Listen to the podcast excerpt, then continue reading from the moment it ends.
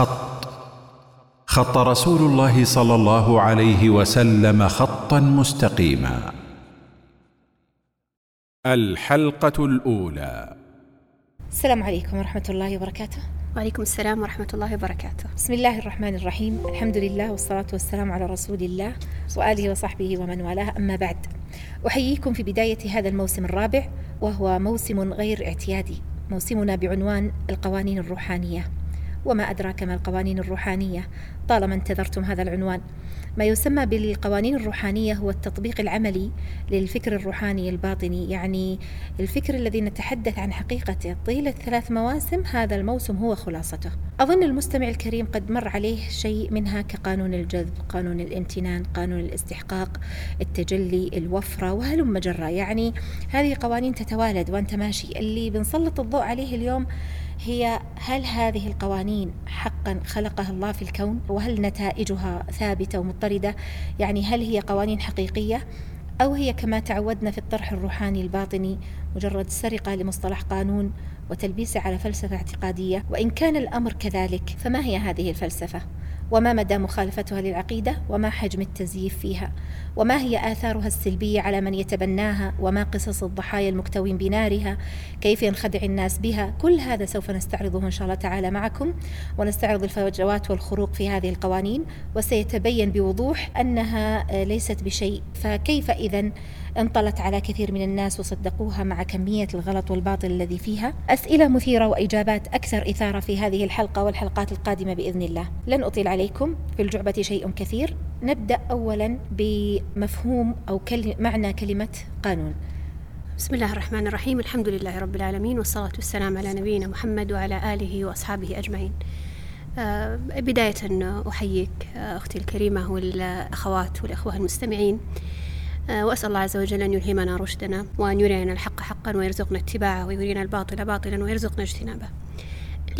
حقيقة الموضوع الذي سنتحدث عنه في هذه الحلقات هو موضوع مهم جدا كما تفضلتي وهو لا يقل أهمية عن الموضوع الذي تحدثنا عنه في الموسم السابق الذي هو موضوع اليوغا.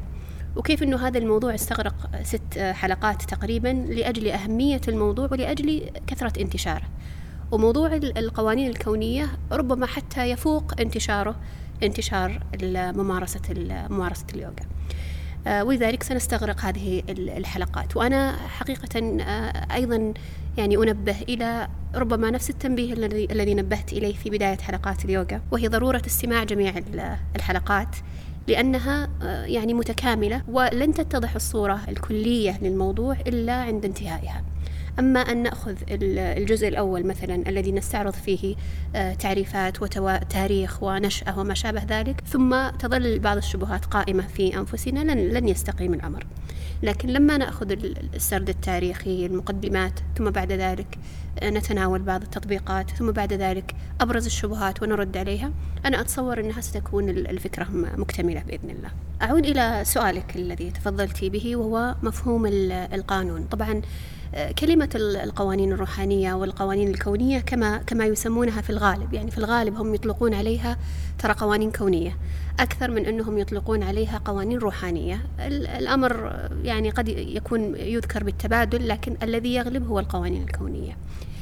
في الطرح يعني الناقد في الغالب نفضل استخدام كلمة الروحانية وس يعني أتحدث عن السبب في ذلك. لكن الآن كلامنا عن كلمة القانون نعم. وأنها قوانين. طبعا كون ال ال ال الواضعين لهذه القوانين وإحنا سنستخدم هذا اللفظ يعني تنزلا مع مع المخالف في هذا الأمر ولأن هذا هو الاصطلاح الدارج.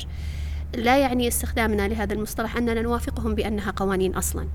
ولا يعني كونهم يقولون بأنها قوانين أن يسلم لهم بذلك أو يقال أن هذا الكلام صحيح أنها قوانين. ويتضح ذلك من خلال تعريف القانون. يعني لما نأتي نريد أن نعرف القانون عموما بشكل إجمالي يمكننا أن نعرفه بأنه القاعدة الثابتة الدائمة التي لا تتخلف والتي يمكن الكشف عنها بالتجربة. هذا إذا أردنا أن, نجعل تعريف إجمالي لموضوع القانون ربما نستطيع أن نلخصه بهذا.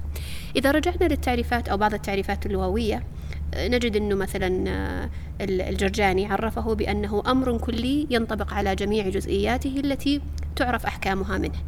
وهذا أيضا نقطة مهمة وهي أنه ينطبق على جميع الجزئيات ولذلك يسمى قانون أو قاعدة. بنلاحظ أنه مثلا صلاح الراشد الذي يعتبر من أكبر المروجين للقوانين الروحانية أو القوانين الكونية كما يسميها يسميها أو يعرفها بأنها حقائق مستمرة وثابتة تحصل على نتائج مستمرة والكل فيها متساوين فهو أيضا يؤكد على قضية أن الناس كلهم متساويين في نتائج هذه القوانين وأنها قائمة وأنها متحققة باستمرار. طبعا يخلط هو عند التمثيل لهذه القوانين فيقول هي ليست محسوسة ولا قابلة للقياس ويضرب مثال أنه أنت إذا أحسنت مثلا للناس فإنهم يحبونك وهذا سيأتي تفصيله إن شاء الله عندما نتكلم عن التفريق بين بين بعض بعض المصطلحات.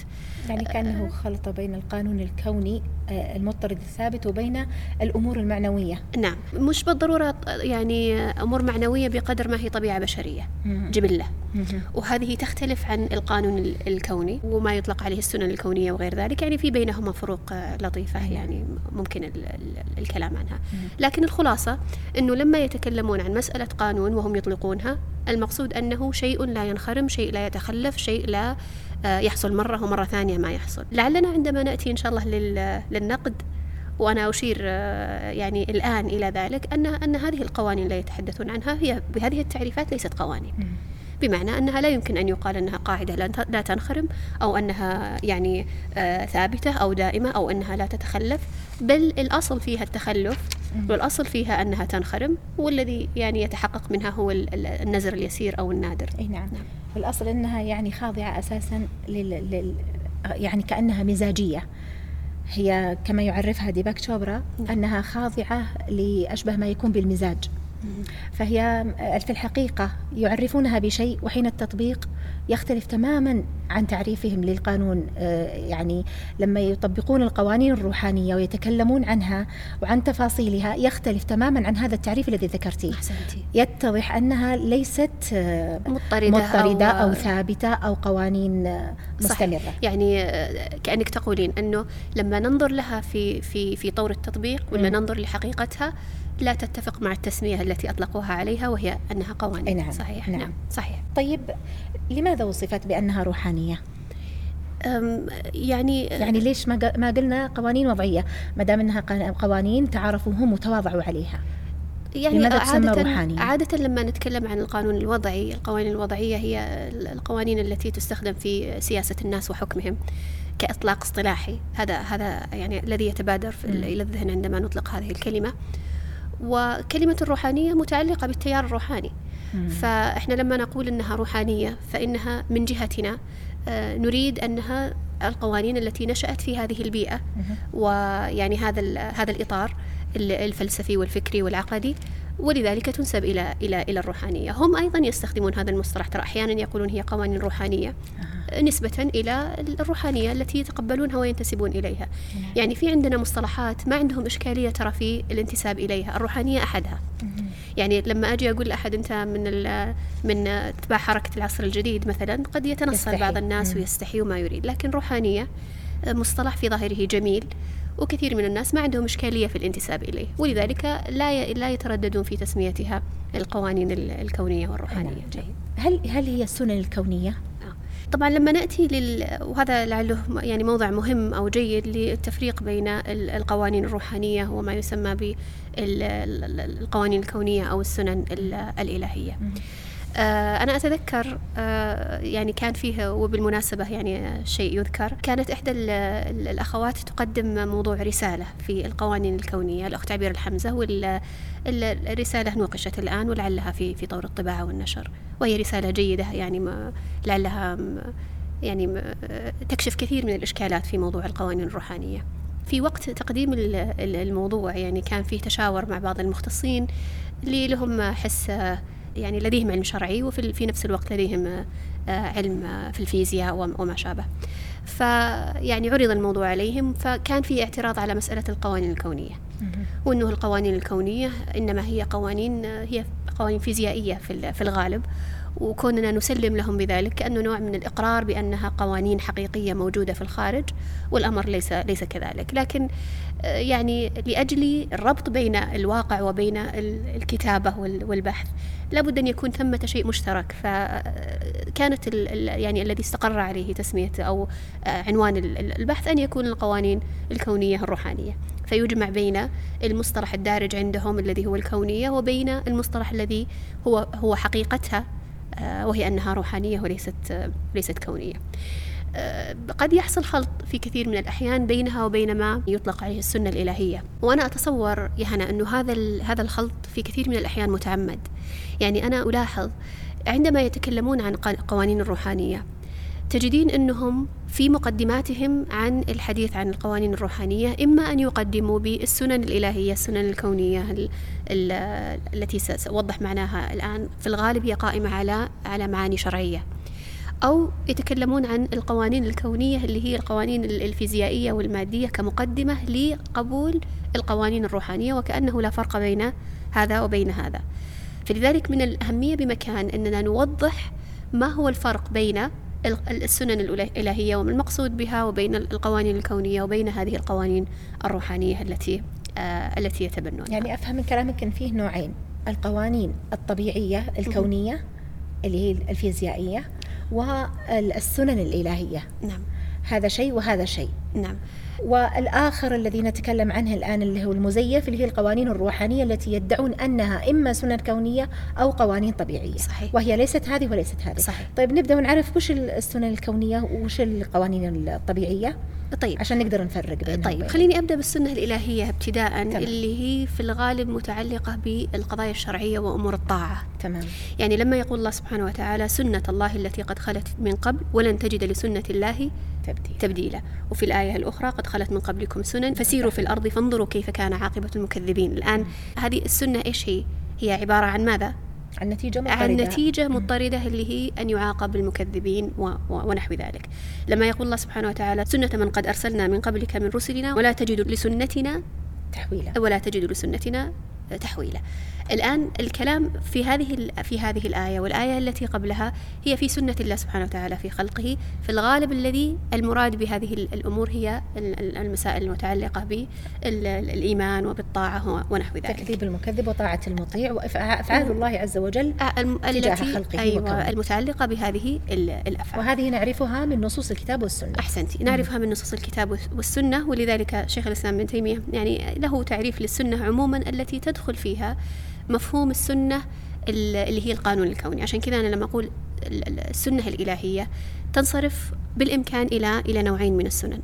اللي هي السنن التي ممكن أن يكون لها ارتباط شرعي العقوبات وما شابه ذلك للمطيع أو المجازات أو النصر للمؤمنين. وفي المقابل السنة الإلهية التي هي السنة آه، القانون الكوني الذي الذي أودعه الله سبحانه وتعالى في في الكون. ولذلك وهذا غالبا ما يأتي في موضوع مثلا خوارق العادات وما شابه في فيتحدث العلماء عن السنة السنة الإلهية بمعنى القانون الكوني. فما يكون مخالفا لهذه السنة آه، يكون خارق للعادة ويبنى الأحكام بناء على ذلك. يعني مثلا لما نقول أن الإنسان الأصل أنه يمشي على الأرض ولا يمشي في الهواء ما يطير مثلا. فلو جاء إنسان وطار صار هذا ما لم يكن حيلة طبعا صار هذا خرقا للعادات ويعني تندرج في هذا في مخالف للسنة الطبيعية مخالف للسنة الطبيعية, الطبيعية. أو ما يطلق عليه اصطلاحا في العصر الحديث القانون الكوني. فيقول شيخ الإسلام بن تيمية في تعريفه للسنة أنها هي العادة التي تتضمن أن يفعل في الثاني ما ما فعل بنظيره الأول يعني عدم التفريق بين المتماثلات. فكل ما يكون الإنسان كذا يكون النتيجة كذا. كل ما يحصل هذا الأمر تكون النتيجة آه، مماثلة لهذا. طبعا من الحكم المتعلقة بها الاعتبار بما, بما سبق والقصص الأولين الحث على التزام الطاعة ونحو ذلك. آه، يعني في في قول الله سبحانه وتعالى دمر الله عليهم وللكافرين أمثالها. أيضا إشارة إلى ماذا؟ إلى السنن الإلهية في في معاقبة في معاقبة نعم. الكفار. لما يقول الله سبحانه وتعالى عاقبة الظلم مثلا عاقبة, عاقبة العدل الظلم عاقبة الإيمان. الإيمان النصرة ونحو ذلك. يقول الله سبحانه وتعالى قد خلت من قبلكم سنن فسيروا في الأرض. فانظروا كيف كان عاقبة المكذبين. إذا الأمر فيه في سنن للمكذبين في سنن للمؤمنين وهي متعلقة ب كما ذكرت الطاعة أو العصيان أو وهذه أو يتم, نحو ذلك. يتم تتبعها في كتاب الله عز وجل. نعم. هذا بالنسبة للسنة المتعلقة بالأمور الشرعية. في المقابل في سنة آه، إلهية ممكن أن نقول هي متعلقة بطبائع النفوس. وهذه أنا يعني هي حقيقة منطقة شائكة ومنطقة مثيرة للجدل. المقصود بها اللي يطلقون عليها أحيانا الهيومن نيتشر هذه اللي هي الطبيعة أو الجبلة البشرية. ال- لو أردنا أن نعرفها نستطيع أننا نقول مثلا هي كأنها يعني نوع من ال- ال- المبدأ الذي يقوم على أنه للبشر خصائص أو ميول معينة جبلوا عليها وخلقوا عليها. يعني مثلا أنه من من خصائص البشر أن الإنسان إذا إذا ظلمته يغضب أو يحزن أو من خصائصه إذا أحسنت إليه أحبك مثلا. نوع من الميول اللي يكون الإنسان مجبول مجبول عليها. وهذا لا شك أنه فيه مستويات. بمعنى أن من هذه الأشياء ما يكون يكاد يكون محل اتفاق. يعني ممكن نتفق على أنه الإنسان طبيعته أو جبلته آه، يستاء من الظلم مثلا أو أنه آه، يعني يحب أو يميل إلى من أحسن إليه. مثل هذه المعاني تكاد تكون محل اتفاق لكن في تفاصيلها سنجد أنه فيه اختلاف واسع جدا. يعني مثلا هل الإنسان الأصل فيه الخير أو الشر؟ هل الإنسان هو كائن آه، بطبيعته فردي ولا كائن يعيش في الجماعة؟ إلى آخر ذلك مما يعني قامت عليه كثير ترى من الفلسفات والمدارس النفسية وغير ذلك وهو ليس محل اتفاق عند آه، يعني هو محل البشر. جدل وليس قانون. ليس قانون. لن يكون قانون أبدا. آه، بالضبط. لكن أحيانا أنا ليش ذكرته هنا؟ لأنه آه، كما كما ذكرت في ال- في التعريف اللي في البداية اللي هو تعريف صلاح الراشد لما قال. إنه مثال على ذلك أن ال- طبيعة الإنسان يحب من أحسن إليه ومثل لها وجعلها آه، يعني من الأمور التي كمقدمة لقبول القوانين الروحانية وطبيعة الإنسان لما أنا أقول لك الآن أليس من الصحيح إنه الإنسان في الغالب يعني الأصل أنه إذا أحسن إليه يحب هذا الذي أحسن إليه أليس هذا هو الأصل.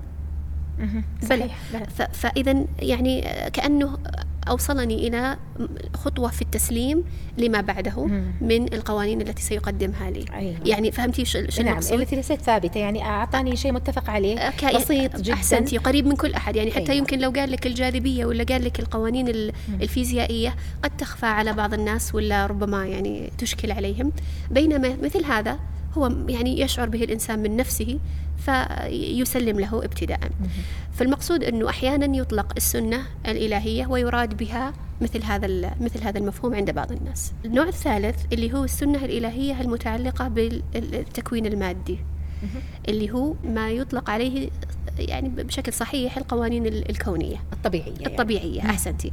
وبرضو في إشكالية لما نقول ترى قوانين كونية لأن القوانين ليست كونية بقدر ما هي أرضية. صحيح.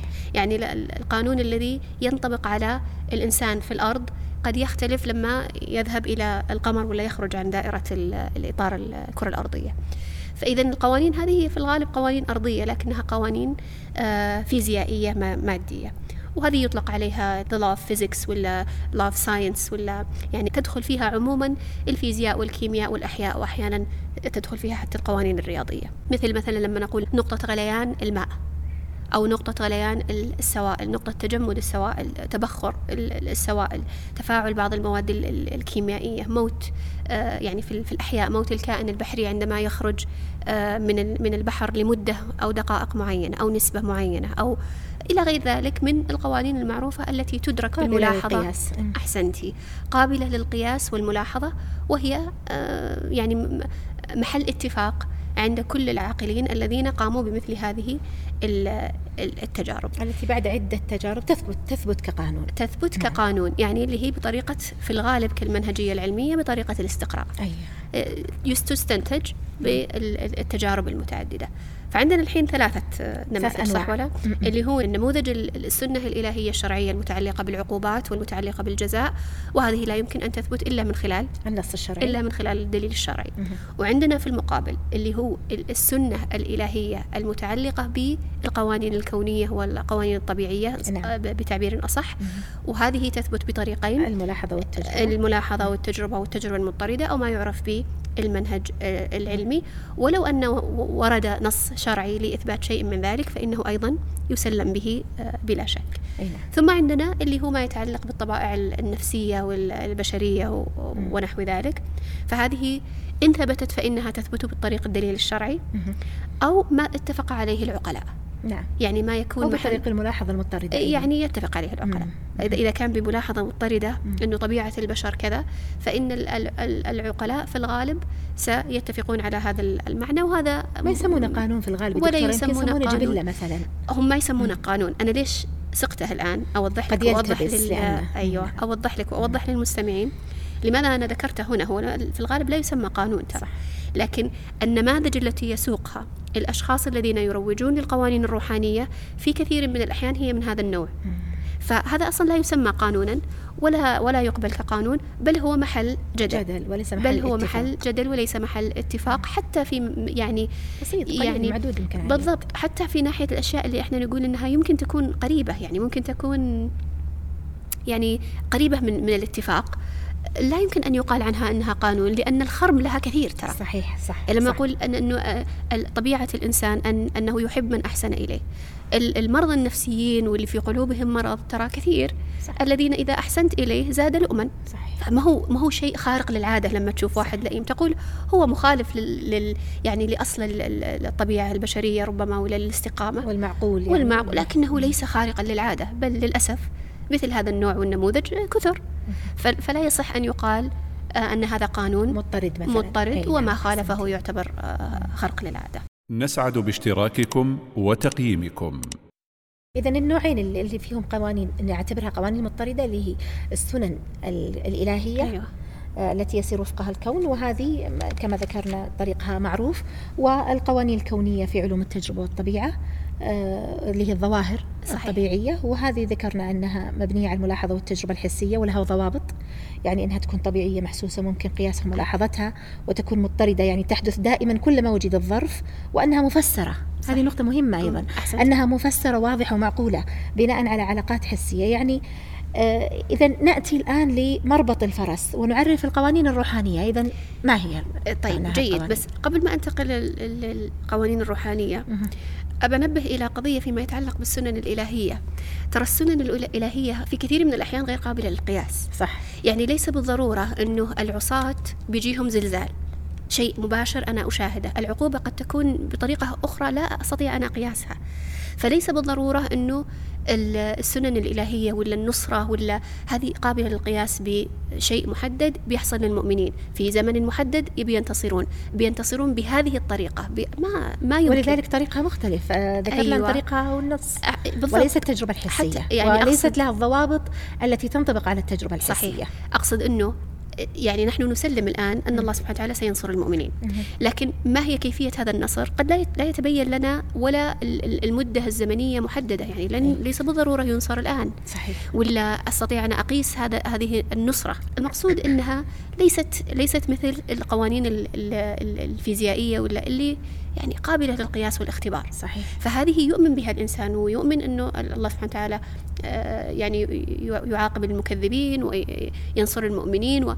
لكن كيفية هذه النصرة قد لا تتبين لكل أحد وفي كل حين وفي كل حال. لأنها متعلقة بأفعال الله جل وعلا متعلقة بأفعال الله وفيها جانب غيبي أحسنت. لا يطلع عليه الإنسان فهي تختلف فعشان كذا لما يجي أحد يبي يقيس القوانين الروحانية التي يريد أن يروج لها كالجذب وما شابه على ال- ال- ال- السنن السنن الإلهية المتعلقة بالعقوبة ولا بالجزاء نقول له هنا قياس مع الفارق أحسنت. لأنه أنت تتكلم عن شيء فيه نص شرعي أولا وثانيا فيه جانب غيبي ما تستطيع أنك تقيسه أو, أو تبني عليه ولا تقيس عليه ولما تأتي تقيسها على القوانين ال- الطبيعية فإنها أيضا القياس مع الفارق فإن هذه قابلة للاختبار والقياس والتجربة والقوانين اللي عندك ليست كذلك. وأنا يمكن استبقت الأحداث لكن يعني لأجل بس تبيين ال- الفارق بي- بين. بين هذه ال- القوانين. نجي للقانون الروحاني. ما هو القانون الروحاني الآن؟ اللي هو يعني مربط الفرس إن أحسن. صح التعبير الذي نريد أن نتكلم عنه. آه، أنا أنا لن أعرفها تعريف ممكن نقول أنه جامع مانع. لكن تعريف سيوصل الفكرة بإذن الله لل- لل- للمستمع الكريم. آه، أستطيع أني أنا أقول أن القوانين الروحانية هي في الحقيقة معتقدات. أحسنت. هي معتقدات ومبنية على الفلسفة الروحانية. إذا هي معتقدات. أنت تعتقد بشيء. مثلا تعتقد أن الذي تشعر به وتفكر فيه ينجذب إليك. هذه عقيدة الآن. طيب هذه العقيدة مبنية على إيش؟ نبعت من وين؟ هي مبنية ونبعت وتفرعت عن الفلسفة الروحانية. ولذلك نقول قانون روحاني. قانون تجوزا تسليما ليس تسليما عفوا تجوزا وليس تسليما تنزلا وروحانية نسبة إلى التيار الروحاني والفلسفة الروحانية التي تبنى عليها هذه القوانين. يتم توظيفها هذه المعتقدات في العالم المادي والنفسي. فإذا عندنا الحين المعتقد وعندنا هذا المعتقد. مبني على فلسفة روحانية؟ وأين يوظف هذا هذا هذا المعتقد وهذه الممارسة المبنية على الأفكار الروحانية؟ تمارس في العالم الحسي وفي العالم النفسي. من ناحية نفسية بأثر على على مشاعرك أبأثر على حبك لي أبأثر على المجتمع وقبولي فيه أو سأؤثر على أمور أخرى متعلقة بالمادة كالشفاء ولا النجاح ولا ما شابه ذلك. نعم. طبعا واعتبارها قواعد لا تنخرم وهذا الذي يجعلها يجعلهم يطلقون عليها قانون. وهذه اشكاليه ما اتفقنا نحن لم نتفق عليها. في كثير اشياء ما نتفق معهم إحنا انه إنها ليست قوانين أصلا وليست قواعد لا تنخرم هذا هذا الواقع. صحيح. مم. صحيح. لكن كونها معتقدات مبنية على الفلسفة الروحانية مم. هذا هذا نقر به. مم. وأنه يتم توظيفها في في العالم المادي وفي الأمور النفسية هذا نسلم نسلم به. وأنهم يعتبرونها قواعد لا تنخرم هذا هو محل الجدل. المحل الجدل نعم والإشكال الذي لا يسلم. لذلك ديباك تشوبرا يعرف القانون بأنه عملية يصبح بواسطتها كل مخفي ظاهرا. هذا نعم. يعني أصلا التعريف يحتاج إلى تعريف. التعريف يحتاج إلى إلى فيه تعريف. يعني و... و... ليس هذا تعريف القانون ابدا. بالضبط. ولو جيتي لأي تعريف لو أحد بيشرح لك سنة إلهية في العقوبات ولا بيشرح لك مثلا آه، قانون الجاذبية ولا درجات الغليان الأمر ما ما في هذه الكلمات الغامضة المحتملة.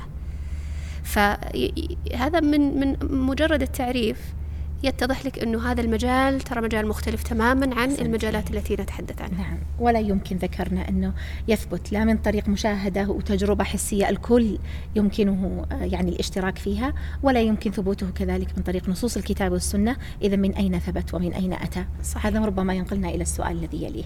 هل هذه القوانين آه، جديدة؟ يعني لو تحدثينا يا دكتورة عن أصل هذه القوانين الروحانية ومتى نشأت؟ أي. آه، يعني كما هو معروف في التطبيقات والممارسات الروحانية يا هنا. في الغالب هي مستقاة من الفلسفة الشرقية وربما يمكن تأكد هذا في المواسم الأولى أننا نتكلم عن التطبيقات ولا الممارسات سواء كانت سلوكية ولا كانت فكرية كقانون الجذب.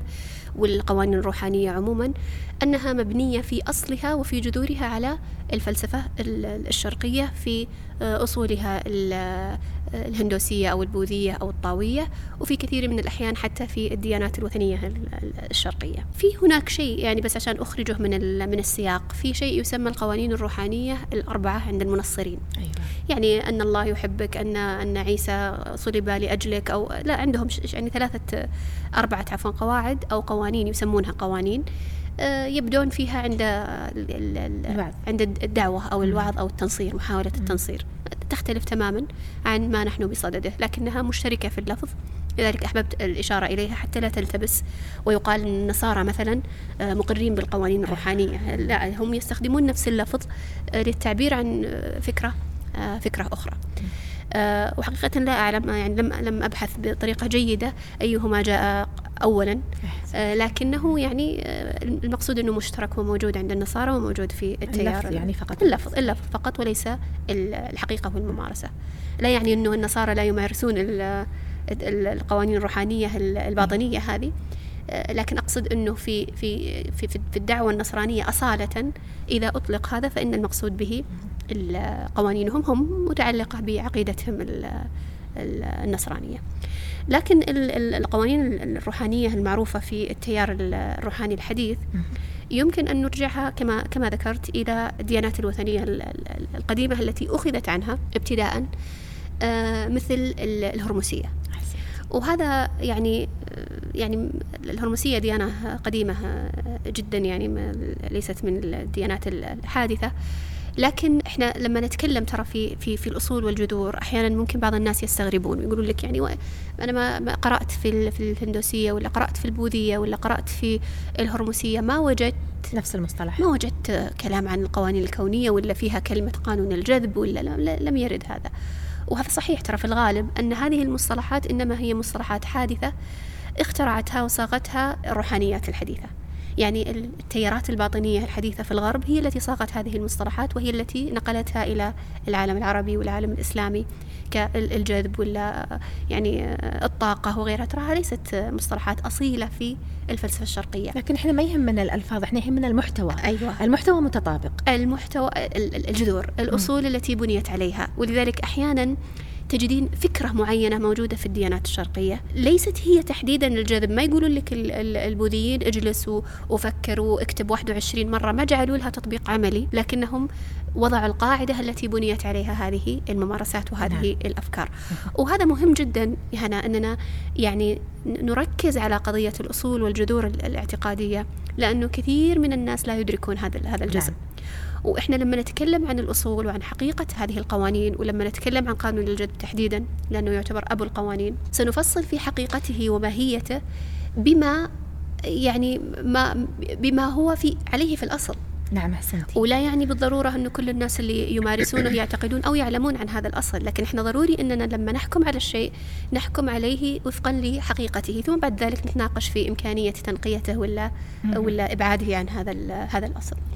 فالمقصود أنه في الهرمسية طبعا يعني الهرمسية يعني قوانين السبعة الروحانية في الهرمسية إيه القوانين السبعة الهرمسية بس بداية إشارات إلى إلى الفلسفة كانت في متون هرمس. أي. متون هرمس هذه تعتبر متون أصيلة في, في الهرمسية. يعني في في القرن الأول إلى الثالث للميلاد يعني تعتبر قديمة قبل 2000 سنة ما يقارب ال 2000 سنة. لكن ال ال الأشهر اللي هو في كتاب يسمى يسمى كتاب الكباليون. أيوة. كتاب الكباليون هذا هو الذي يعني يتضمن سبعة قوانين. السبع قوانين هذه يسمونها القوانين القوانين الهرمسية السبعة وكذا ومنتشرة جدا للأسف الآن بين المهتمين بهذا المجال. يعني حتى من يعني مجتمعنا الخاص يعني فضلا عن المجتمع العربي أو أو العام. لكن هذا الكتاب ليس كتاب ترى أصيل في الهرمسية. يعني كتاب يعتبر ترى متأخر. يعني كتاب آه، أول ما نشر أظنه في عام 1908 أو 1906 والذي ألفه آه، هو في الغالب طبعا المصرح به أنه ثلاثة من الطلاب أو من المريدين المجاهيل كما هي عادة المؤلفات الباطنية. كأخوان الصفا لا يحددون من هو المؤلف. بالضبط ويعطي هذا طابع من الغموض والهالة لهذه لهذه المؤلفات وهذه النصوص. فهو الأصل أنه مكتوب عليه أنه اللي ألفوه ثلاثة من المريدين المجاهيل يعني ما لم يحدد اسمهم. لكن كثير من الباحثين ينسبون الكتاب لرجل اسمه ويليام أتكنسون. هذا رجل من مفكرين حركة الفكر الجديد اللي نشأ فيها قانون الجد بصورته الحالية. أيوة. وهذا من وجهة نظري هو أقرب لل للصواب من كونه نص قديم لكنه نص حديث نسبيا يعني في بداية القرن العشرين لكنه مبني على أصول وقواعد قديمة وهو منسوب إلى الفلسفة الهرمسية ومبني على على قواعدها. هذه القوانين ويمكن نمر عليها إن شاء الله لما نتكلم عن القوانين بالتفصيل العقلانية المطابقة التذبذب الازدواجية التناغم السبب والنتيجة النوع الجنسي إلى إلى آخره. هذه القوانين هي متجذرة في الفلسفة الهرمسية. على إيش تقوم الفلسفة الهرمسية؟ تقوم على نفس الإشكالات ونفس العقائد التي هي في غاية الانحراف التي تقوم عليها الفلسفة الشرقية. وحدة الوجود. نعم. الهندوسية والبوذية والطاوية. وحدة الوجود أو الحلول يقولون الإله هو كل شيء. أتوم نعم. حقيقة الأديان وجوهرها واحد. في حقيقتها بيوجد فيها جوهر آه يسري في كل الأديان وحدة الأديان. عقيدة التناسخ تناسخ الأرواح. الكلمة المشهورة التي تنسب للهرمسية واللي موجودة في القوانين الكونية كما كما هو أعلى فهو أسفل. نعم, نعم. وهذا يعني ربما نأتي إلى تفصيل هذه الآن توجد. الآن بنفس المسمى القوانين الروحانية حاليا. كما هو أعلى كما آه، بالضبط. كما وهذا من القوانين المشهورة اللي هو كما هو أعلى نعم ويفسرونه بالتفسير الباطني المعروف الذي سنأتي إليه إن شاء الله نعم. في الحلقات القادمة. طبعا بالإضافة إلى ما فيها من السحر والخيمياء والتنجيم فيعني فلسفة وديانة منحرفة بكل المقاييس وبنيت عليها هذه القوانين السبعة التي أصبحت اليوم تمارس لأجل جذب الحب ولا جذب الثراء ولا جذب الشريك ولا ولا تحت غير. اسم القوانين الروحانية. تحت اسم القوانين أو الروحانية. قوانين النجاح أحيانا بل يا هنا لا يستحي بعضهم في تسميتها القوانين الهرمسية. أوه. يعني هكذا تنتشر بين الناس وتروج بين بينهم. يعني كأنها يا دكتورة بدائل دينية. لا شك. ولذلك لما عرفت القوانين الروحانية تذكرين وش قلت في بدايتها؟ أنها معتقدات. نعم نعم, نعم أنها معتقدات لأنها صحيح. عقائد. صح صح لما تجين تقولين لها إيش المصدر الذي بنيت عليه هذه المعتقدات ليس له مصدر إلا مثل هذه النصوص أيوة. أو أو تجارب روحانية.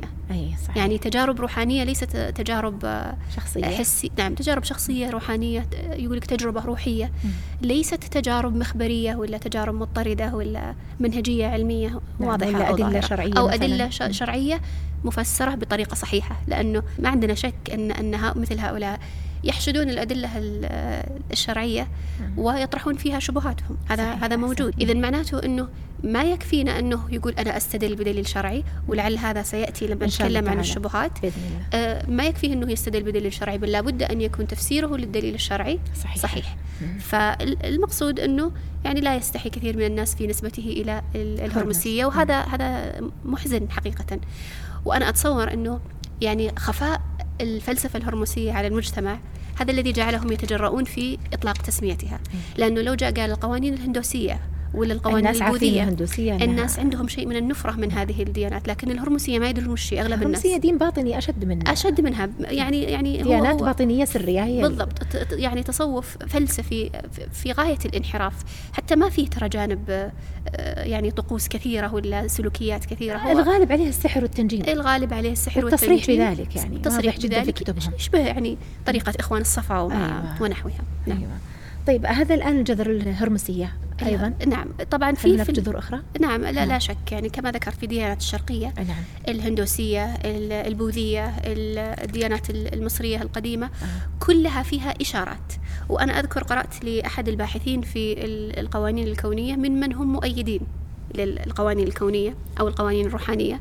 يقول ليس ثمة دين أو كتاب مقدس إلا وفيه إشارة إلى القوانين الروحانية. وبالدرجة الأولى طبعا عندهم النصوص النصوص الشرقية وصلاح الراشد ذكر وأشار إلى إلى إلى شيء من ذلك واحد أيضا من الباحثين قال آه، أنها ممكن الحصول عليها أو الحصول على أصولها في الباجافاد جيتا آه. وفي الأوبانيشادز اللي هي شروح الملحقات وشروح وبالفعل ترى الفيدات و... ديباك تشوبرا يبتدئ كتابه القوانين الروحانية للنجاح القوانين الروحانية السبعة للنجاح اللي يباع وكأنه كتاب تطوير ذات صحيح. يبتدئ كتابه ب ترتيلة الخلق في من كتاب الراجا فيدا. آه ثم يبدأ يشرحها. وكذلك ينقل نقولات كثيرة من الأوبنشاد ويتكلم عن المايا والبراهمن فهو يشرح الحقيقة عقيدته الهندوسية. صحيح. آه يعني لو سميت القوانين الهندوسية يمكن أقرب من كلمة القوانين قوانين النجاح أو قوانين الروحانية. إيه صحيح صحيح. بكل يعني وضوح يعني بكل هو وضوح. هو ينسب لديانته. وهذه سمة ترى ظاهرة توضح لك أصول هذه القوانين أنه غالب من يؤلف فيها وغالب من يتحدث في هذا الموضوع إجمالا. لا يكاد يخلو طرحه من إشارة إلى الديانات الشرقية. إيه نعم. فهذا يعني يعني على عجالة بس أختصر لك ما يتعلق بال بالتاريخ. يعني هذه الديانات الجذور الجذور القوانين الروحانية الأصيلة. لكن بعد ذلك وفي أوائل القرن التاسع عشر يعني 1800 وشيء يعني من في بدايته آه، يعني بدأ الرجل مشهور يعتبر كأنه الأب الروحي صح التعبير للقوانين الكونية بل قانون الجذب على وجه التحديد اسمه كوينبي. في نعم فينيس كوينبي. أه تحدث عن ما يعرف بمفهوم العقل فوق المادة أو العقل فوق الجسد. لم يسمه قانون الجذب تحديدا لكنه تكلم عنه أه بمفهومه وبمعناه.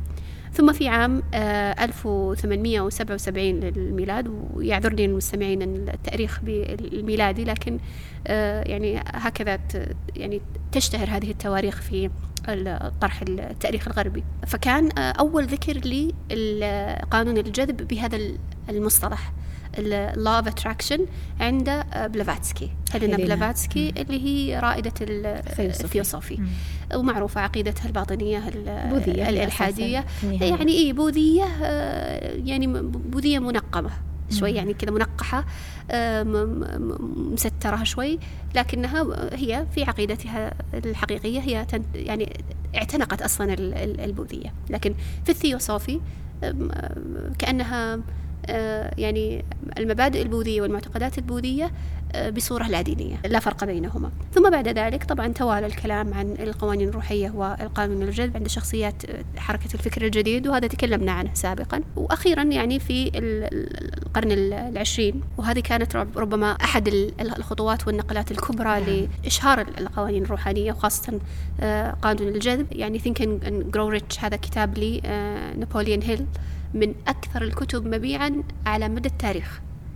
له تعلق وارتباط به أو يعني قائم على فكرة قانون الجذب أنه آه، فكر وستصبح ثريا. وقوة التفكير الإيجابي كذلك لنورمان فينسنت بيال. وهذا أيضا من أكثر الكتب مبيعا على على التاريخ. هذا الآن في القرن الماضي.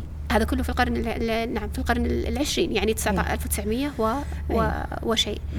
فيه يعني كتاب اللي هو يعني ربما شهرها في المجتمع المجتمع العربي والإسلامي يعني عندنا اللي هي ترجمة كتاب القوانين الروحانية السبع لديباك شوبرا. الكتاب هذا أصلا ألف في عام 1994 للميلاد وترجم في عام 2014 فيما أعلم أنه ترجم في أم يعني ما أعرف إذا له ترجمات قبل هذا لكن الذي أعرفه أنه أول نشر أو أول طبعة كانت في 2014 فهذه جمع قوانين في إطار واحد. طبعا قبلها كان فيه طرح من صلاح الراشد اللي طبعا أنا رتبتها بالتاريخ لأنه في عام 1994 كان النشر الأول للكتاب لكن الترجمة كانت في 2014 بعدها في 2008 رسالة من الكون لصلاح آه، الراشد. آه، صلاح الراشد هذه تعتبر حلقات. أنا أنا أشير إلى من جمع القوانين الروحانية وليس من أفرد أحدها لأنه الكلام عن قانون الجد بيختلف نعم. وإن كان يعني نعم. مضمن في في هذا اللي نتحدث عنه في الحلقة نعم. القادمة بتفصيل. لكن اللي تكلموا عن القوانين الروحانية بإجمال كان من أبرز من تكلم عنهم وأول من تكلم عنهم في المجتمع العربي والإسلامي صلاح الراشد نعم. في رسالة من الكون جمع فيها مجموعة من القوانين الروحانية وسماها القوانين سماها القوانين الكونية. مستندا على كل الكتب التي سبقت. مستندا على كل الكتب التي سبقت. وبالدرجة الأولى يعني وهي وهو الكتاب الذي ذكره كتاب اسمه ديانا كوبر كتاب ديانا كوبر. آه اسمه آه قليل من الضوء على القوانين الروحانية. آه، فيه نص بقرأه لكم. يعني بحاول أترجمها ترجمة مباشرة لأني ما هو عندي بالنسخة ليست مترجمة. لكن تقول أن الوحدة هي أن تتقبل ألوهيتك وأنه ليس ثمة إلا واحد وهو الإله وهو أيضا أنت. هكذا يعني حرفيا في هذا في هذا الكتاب الذي يصرح صلاح الراشد أنه هو الأساس الذي بنيت عليه الرسالة من, من الكون, الكون. القوانين الروحانية التي التي آه، يعني روج لها في هذه الحلقات. يعني هذه هذه ترى نقطة مهمة ليست ليست سهلة عشان ما يقال صح. ثمة انفصال ما بين الطرح العربي والذي يطرح في المجتمع الإسلامي وبين الأصول الإلحادية التي هي نشأت فيها القوانين الروحانية. هو صرح بالمرجع. هو صرح بالمرجع وهذا هو نص مأخوذ من المرجع, المرجع. نعم. نعم. أحسنتي. الله يجزاك خير. إذا نتفق في نهاية هذه الحلقة على تسمية هذه القوانين بالقوانين الروحانية لأنها ليست قوانين كونية ولا يتفق أبدا على أنها قوانين كونية إنما هي قوانين روحانية وهذه جذورها التي ذكرناها وأنها هي مجرد مبادئ آه، تتكون من مقدمات فلسفية رتبت عليها نتائج غير منطقية بروابط غير ظاهرة السببية. يزعمون أنها صحيحة ومضطردة ويربطون بها كل نجاح. ليس عليها لا دليل شرعي ولا إثبات علمي تجريبي وإنما مستندهم في ذلك فلسفات وتجارب شخصية وقصص مزعومة وهي قوانين تتوالد وتخترع إن شاء الله تعالى. سنكمل في الحلقات القادمة مزيد من التفصيل آه، بإذن الله تعالى. أشكر لك يا دكتورة هذا الطرح المفصل والوافي والواضح. سبحانك اللهم وبحمدك أشهد أن لا إله إلا أنت أستغفرك وأتوب إليك. السلام عليكم. ورحمة الله.